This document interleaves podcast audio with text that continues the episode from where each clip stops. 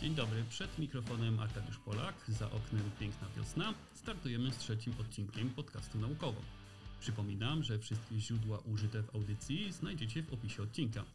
Dziękuję za wszystkie opinie i porady dotyczące podcastu. Bardzo mi pomagają w rozwoju tej audycji. Zapraszam na podcastowe social media, Facebooka, Twittera i Instagrama oraz na stronę naukowo.net. A tymczasem zaczynamy od złowrogiego słowa. Plastik. To słowo będzie często gościć na łamach podcastu. Substancja to jest tak samo szkodliwa, jak i popularna. Aby wyprodukować coś z tworzywa sztucznego, używa się też wielu różnych substancji chemicznych. Jedną z nich są wtalany, czyli zmiękczające plastik substancje, które są obecne w całej masie produktów. Te niezwykłe groźne cząstki prawdopodobnie mają wpływ na astmę i uszkodzenia układu nerwowego u dzieci. I to tylko dlatego, że matki w trakcie ciąży oddychają powietrzem, w którym te cząstki występują. Pomimo, że Komisja Europejska w 2015 roku zabroniła stosowania wtalanów w produktach dla dzieci, to nadal światową ich produkcję szacuje się na około 8 miliardów kilogramów rocznie, a 17% zabawek dla dzieci przebadanych w 2017 roku nadal zawierało wtalany. W najnowszym badaniu naukowcy przeanalizowali związki między ekspozycją na wtalany w czasie ciąży i w dzieciństwie związaną z przyjmowaniem leków, a występowaniem nowotworów u dzieci. Badacze, analizując duńskie rejestry, zaobserwowali, że narażenie na wtalany w dzieciństwie wiązało się ze zwiększonym prawdopodobieństwem występowania niektórych typów raka przed 19 rokiem życia. Związki były widoczne tylko w przypadku narażenia na wtalany małocząsteczkowe, które rzekomo mają większą aktywność biologiczną. Otwarte zostają pytania o to, które konkretnie wtalany powodują te powiązania, w jaki sposób do nich dochodzi oraz jak bardzo można ograniczyć zachorowania poprzez eliminację wtalanów z obiegu. Badanie, o którym tu mowa, dotyczy wpływu wtalanów na dzieci, a przecież dorośli spożywają znacznie więcej produktów z takimi cząstkami. Dość powiedzieć, że przeciętny Amerykanin spożywa plastik w ilościach odpowiadających karcie kredytowej tygodniowo, a to tylko poprzez skażenie żywności i wody. Wtalany dostają się do naszej żywności przez pestycydy, procesy produkcyjne i opakowania, w których są one transportowane do naszych sklepów. Dodawane są do kosmetyków czy środków higieny, ponieważ zwiększają wchłanianie przez skórę. Zwiększają także trwałość koloru w lakierach do paznokci i szminkach oraz zatrzymują zapach w perfumach czy dezodorantach. A to tylko jedna substancja wspomagająca produkcję tworzyw sztucznych. Warto tutaj wspomnieć też o innej, która z kolei utwardza plastik. Mowa o bisfenolu, który znajdziecie w masie produktów, od puszek po konserwach i paragonów kasowych po pudełka do pizzy. Bisfenole zwiększają poziom estrogenów w organizmie, a zmiana poziomu hormonów skutkuje m.in. zmniejszaniem ilości plemników. Warto zawsze pamiętać o wpływie tych środków na nasze organizmy podczas codziennych zakupów. Tak jak zawsze pamiętamy o złych doświadczeniach, których wspomnienie zostaje z nami na długo. Dla przykładu, wyobraźcie sobie, że jecie parówkę, która będąc nieświeżą wywołuje u Was dolegliwości żołądkowe. Nawet po powrocie do zdrowia u wielu z Was parówki będą wywoływać uczucie obrzydzenia. Jak to możliwe, że niektóre wspomnienia pamiętamy mocno i wyraźnie, a inne bledną i znikają wraz z czasem? Temu pytaniu postanowili przyjrzeć się naukowcy z Uniwersytetu Południowej Kalifornii, wykorzystując do tego pewien gatunek ryb i obserwując, co dzieje się wewnątrz mózgu, który uczy się tego rodzaju emocjonalnie nacechowanych reakcji. Oczekiwali, że w strukturze neuronów zajdą niewielkie zmiany, głównie poprzez to, jak silnie jeden neuron oddziałuje na drugi. Natomiast obserwacje stwierdziły, że niektóre synapsy były przycinane i przenoszone w przypadku zapisu emocjonalnych wspomnień. Jeden z autorów badania, Scott Frasser, porównuje pamięć do pamięci, jaką mamy w urządzeniach elektronicznych. Niektóre ze wspomnień są zapisywane w formie niestabilnej i szybko usuwanej ale te związane z lękiem są bardzo trwałe i trudniej wykasować. Oczywiście te procesy zachodzą cały czas, poza naszą świadomością i są zautomatyzowane. Inne, gdy chcemy zapamiętać czyjeś imię czy numer telefonu, inne, gdy pomyślimy o trujących parówkach. To badanie stanowi wstęp do poznania, jak powstają wspomnienia, w jaki sposób są przechowywane i jak to wszystko razem działa.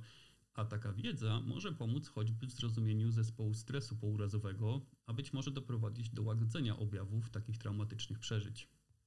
Ok, aby psychicznie odpocząć, udamy się teraz na grzybobranie. Sezon na leśne skarby jeszcze daleko, ale grzyby warto jeść cały rok, a jedno z badań daje kolejne powody, aby to robić. Otóż naukowcy przyjrzeli się grzybom w kontekście źródła witaminy D. Czasach naznaczonych pandemią COVID-19 niedobór witaminy D jest mocno akcentowany. Ludzie rzadziej spędzają czas na zewnątrz budynków, a przecież to witamina D jest wskazywana jako jeden z czynników obronnych. Dość powiedzieć, że około miliarda ludzi na świecie ma tak duży niedobór witaminy D, że prowadzi to do różnych schorzeń, np. krzywicy. A niewiele produktów spożywczych może uzupełniać te braki. Co gorsza, zwierzęta hodowlane, takie jak ryby i kurczaki, hodowane w zamknięciu, produkują dużo mniej witaminy D niż osobniki żyjące na wolności. Wzięte pod lupę grzyby okazały się być bardzo bogatym źródłem witaminy D i innych związków. Analizy przedkliniczne i kliniczne sugerują, że biodostępność witaminy D zawartej w grzybach jest porównywalna z witaminą D pochodzącą z innych źródeł. A dodatkowo można zwiększyć produkcję związków zawartych w grzybach poprzez naświetlanie promieniami ultrafioletowymi. Zawarty w grzybach ergosterol, czyli odpowiednik ludzkiego cholesterolu, pod wpływem energii promieni UV jest przekształcany na witaminę D. Jedna z metod pozwala na ogromne zwiększenie poziomu witaminy dzięki umieszczeniu grzybów w etanolu. Ważne są także inne minerały, które w połączeniu z witaminą D pozwalają na przykład na zwiększanie gęstości kości. Na koniec porada dla Was. Możecie sami we własnym domu zwiększyć poziom witaminy D w zebranych grzybach o ponad 400%. Co trzeba zrobić? Wystarczy zwykłe suszenie grzybów i tu ważne zastrzeżenie w świetle słonecznym przez minimum 6 godzin, przy czym spód grzyba musi być odwrócony do góry. A gdy będziecie przygotowywać grzyby do suszenia na słońcu, zerknijcie w górę, bo może się okazać, że kawałek nieba spadnie Wam na głowę. Oto bowiem 11 marca asteroida wielkości lodówki z impetem wleciała w ziemską atmosferę nad Morzem Norweskim. Asteroida 2022 EB5 była zbyt mała, aby stanowić zagrożenie. Ciekawe jest jednak to, że był to piąty obiekt tego typu w historii, który został zauważony przed uderzeniem w naszą planetę.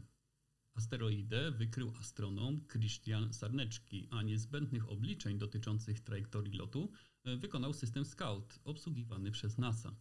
System przewidział, że asteroida znajdzie się 480 km na północny wschód od Islandii, choć na początku potencjalne miejsce uderzenia było rozciągnięte od zachodniej Grenlandii aż do wybrzeży Norwegii. Monitorowaniem takich obiektów zajmuje się Biuro Koordynacji Obrony Planetarnej NASA.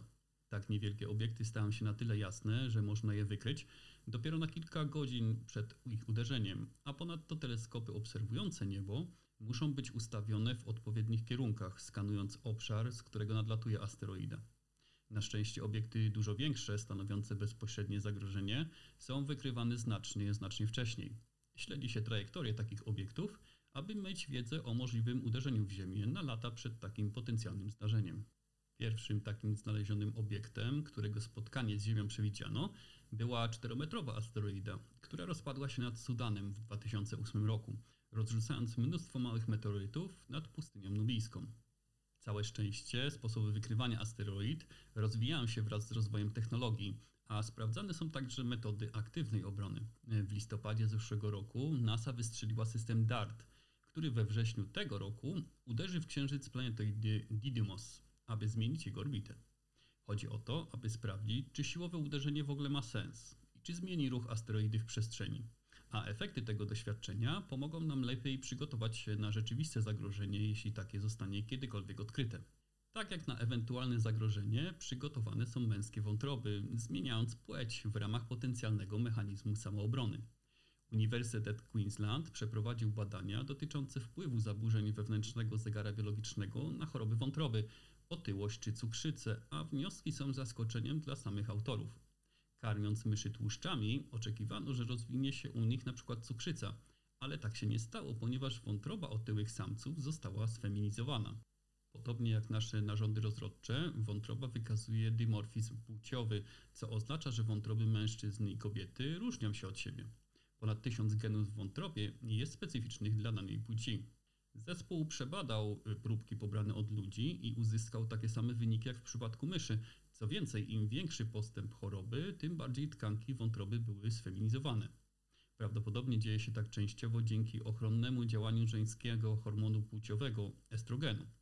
Także zegar biologiczny może odgrywać ważną rolę w spowalnianiu postępu choroby poprzez dostrajanie szlaków metabolicznych. Badacze skupiają się teraz na pytaniu, czy stosowanie kuracji hormonalnych może być skuteczną metodą w leczeniu chorób wątroby. A ponieważ bardzo ciężko znaleźć dobre nawiązanie od wątroby do wulkanów, może Wam się to uda, zapraszam do komentarzy, to szybko przechodzimy do kolejnego tematu, jakim są erupcje wulkanów. Te gwałtowne zjawiska powodują nie tylko lokalne zniszczenia, ale mogą z łatwością wpływać na ziemski klimat i to przez wiele, wiele lat. Wydawałoby się, że erupcje wulkanów zostawiają trwały, duży ślad, po którym można z łatwością sprawdzić, jak wiele było do tej pory takich zdarzeń. Ale nie jest to takie proste. W końcu osady po wybuchach mogą być zakrywane przez kolejne erupcje, mogą się przesuwać lub całkowicie zanikać z czasem. Na szczęście mamy sporo lodu, na przykład na Grenlandii i Antarktydzie, a korzystając właśnie z bloków lodowych tam wydobytych, naukowcy starali się dowiedzieć więcej o historycznych erupcjach. Wiek najstarszego rdzenia lodowego szacuje się na około 110 tysięcy lat, czyli lód ten powstał, gdy wymierał wczesny przodek człowieka Homo erectus. Badając ślady siarkowe w próbkach datowanych na około 60 tysięcy lat, znaleziono ślady ponad 1100 dużych erupcji i jest to pięciokrotnie więcej niż wynikałoby to z danych geologicznych. 85 zidentyfikowanych erupcji miało wpływ na całą planetę, a 25 takich zdarzeń było większych niż jakakolwiek erupcja wulkaniczna, która miała miejsce w ostatnich 2,5 tysiącach lat. Wulkanolodzy mają zatem znakomity materiał do badań, ważnych także dla czasów dzisiejszych, gdyż możliwy jest wpływ topnienia lodowców wskutek zmian klimatycznych na aktywność wulkaniczną. Wpływ działań człowieka widać także w świecie zwierząt, do którego przenosimy się, aby obserwować kojoty i lisy mieszkające w Karolinie Północnej. Kojoty i lisy niezbyt się lubią. Te pierwsze mocno prześladują lisy, ścigając i zabijając słabsze osobniki. Kojoty korzystają nie tylko z przewagi rozmiaru, ale także z braku większych drapieżników na wschodnich terenach Stanów Zjednoczonych. Badacze udokumentowali widoczny spadek liczebności lisa rudego i lisa szarego, skorelowany z pojawianiem się i wzrostem liczebności kojotów. O dziwo, te dwa gatunki często współistnieją na tych samych terenach wiejskich z dużą ilością drzew. Dzieje się tak dzięki unikalnej taktyce lisów, które jako jedyni krewniacy psów potrafią uciekać na drzewa. Dzięki ostrym pazurom lisy dobrze się wspinają, a to pomaga w unikaniu konfrontacji z kojotami. Dlatego zwiększanie i ochrona terenów zalesionych może mieć bezpośredni wpływ na populację lisów. Na obszarach miejskich mniejsi konkurenci, np. lis szary, wykorzystują ludzi jako osłony. Widać bowiem zależność między zasiedlaniem przez lisa szarego a gęstością zabudowy mieszkaniowej oraz mniejszą ilością spotkań z kojotami przy wyższym poziomie urbanizacji. Największe drapieżniki są tradycyjnie nieobecne na obszarach miejskich, co prowadzi do zwiększenia liczebności małych drapieżników, takich jak szopy i lisy. Jednak społeczności drapieżników zmieniają się, a wiele obszarów zabudowanych jest ponownie zasiedlanych przez większych mięsożerców. Dobrym przykładem jest tu wilk europejski, wytępiony z terenów Europy, teraz ponownie zasiedlił Francję, Niemcy, Szwajcarię czy Danię, kraje gęsto zaludnione przez ludzi. Badania będą kontynuowane, ponieważ może to mieć bezpośredni wpływ na zarządzanie populacją i jej przetrwanie w całej Ameryce Północnej. Oczywiście nie tylko lisy potrafią spinać się na drzewa, także ludzkie dzieci i niektórzy dorośli opanowali tę umiejętność do perfekcji. Ale dlaczego w ogóle się wspinamy, a nawet szerzej, co sprawia, że się poruszamy? W uproszczeniu, na kilkaset milisekund przed wykonaniem ruchu, tysiące neuronów w układzie ruchowym nagle stają się aktywne, a ta aktywność jest przekazywana dalej do włókien mięśniowych, które napędzają ruch. Ale w jaki sposób mózg nagle pobudza neurony ruchowe do skoordynowanego działania niezbędnego do wywołania ruchu? W końcu ludzie i zwierzęta mogą samodzielnie inicjować ruch. Słuchając tego podcastu, możesz w każdej chwili sięgnąć po kubek z kawą. Co takiego zadziałało w Twoim mózgu, że sięgnąłeś po kawę w tym konkretnym momencie, a nie chwilę wcześniej lub później? Okazuje się, że bardzo duży wpływ ma dopamina. Substancja chemiczna odpowiadająca innymi za kontrolę nad uczuciami i emocjami, ale także zaangażowana w system nagród. Oznacza to, że podczas wykonywania czynności sprawiających nam przyjemność jej poziom wzrasta. Badanie przeprowadzone na myszach pokazało, że powolne narastanie dopaminy w regionie położonym głęboko pod korą mózgową dokładnie przewidziało moment, w którym myszy rozpoczną ruch i to na sekundy w przyszłość. Badacze odkryli, że ruch następował niemal natychmiast po osiągnięciu pewnego progu dopaminy w wypełnionej płynem przestrzeni wokół neuronów. Gdy dopamina wzrastała bardzo szybko, ruch następował na początku okresu odpowiedzi. Gdy dopamina wzrastała powoli, ruch następował później. Dopamina była głównym składnikiem sygnału, który w tym przypadku mówił myszom, kiedy dokładnie mają się poruszyć, ale są także inne czynniki, które wymagają dalszych badań. Wszystkie te starania naukowców mogą pomóc wyjaśnić, dlaczego pacjenci z chorobą Parkinsona, zaburzeniem ruchowym, w którym poziom dopaminy jest obniżony, mają problemy z inicjowaniem ruchów w odpowiednim czasie.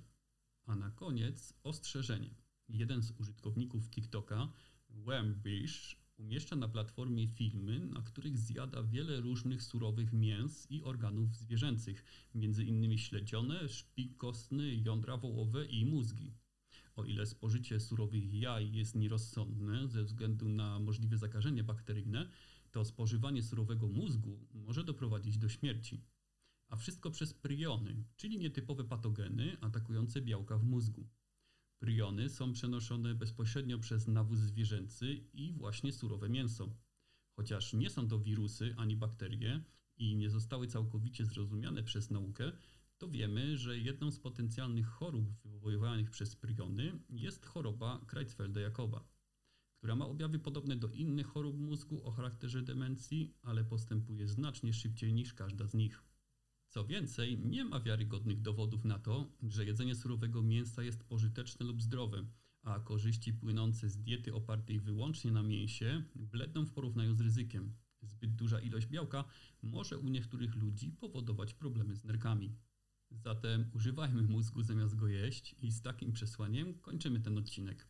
Jeśli Ci się spodobał, to możesz wesprzeć mnie dobrowolną wpłatą w serwisie Patronite pod adresem patronite.pl ukośnik naukowo. Za każdą formę wsparcia bardzo dziękuję. Dzięki Wam podcast może istnieć i rozwijać się. Dziękuję za Waszą uwagę i do usłyszenia w sobotę.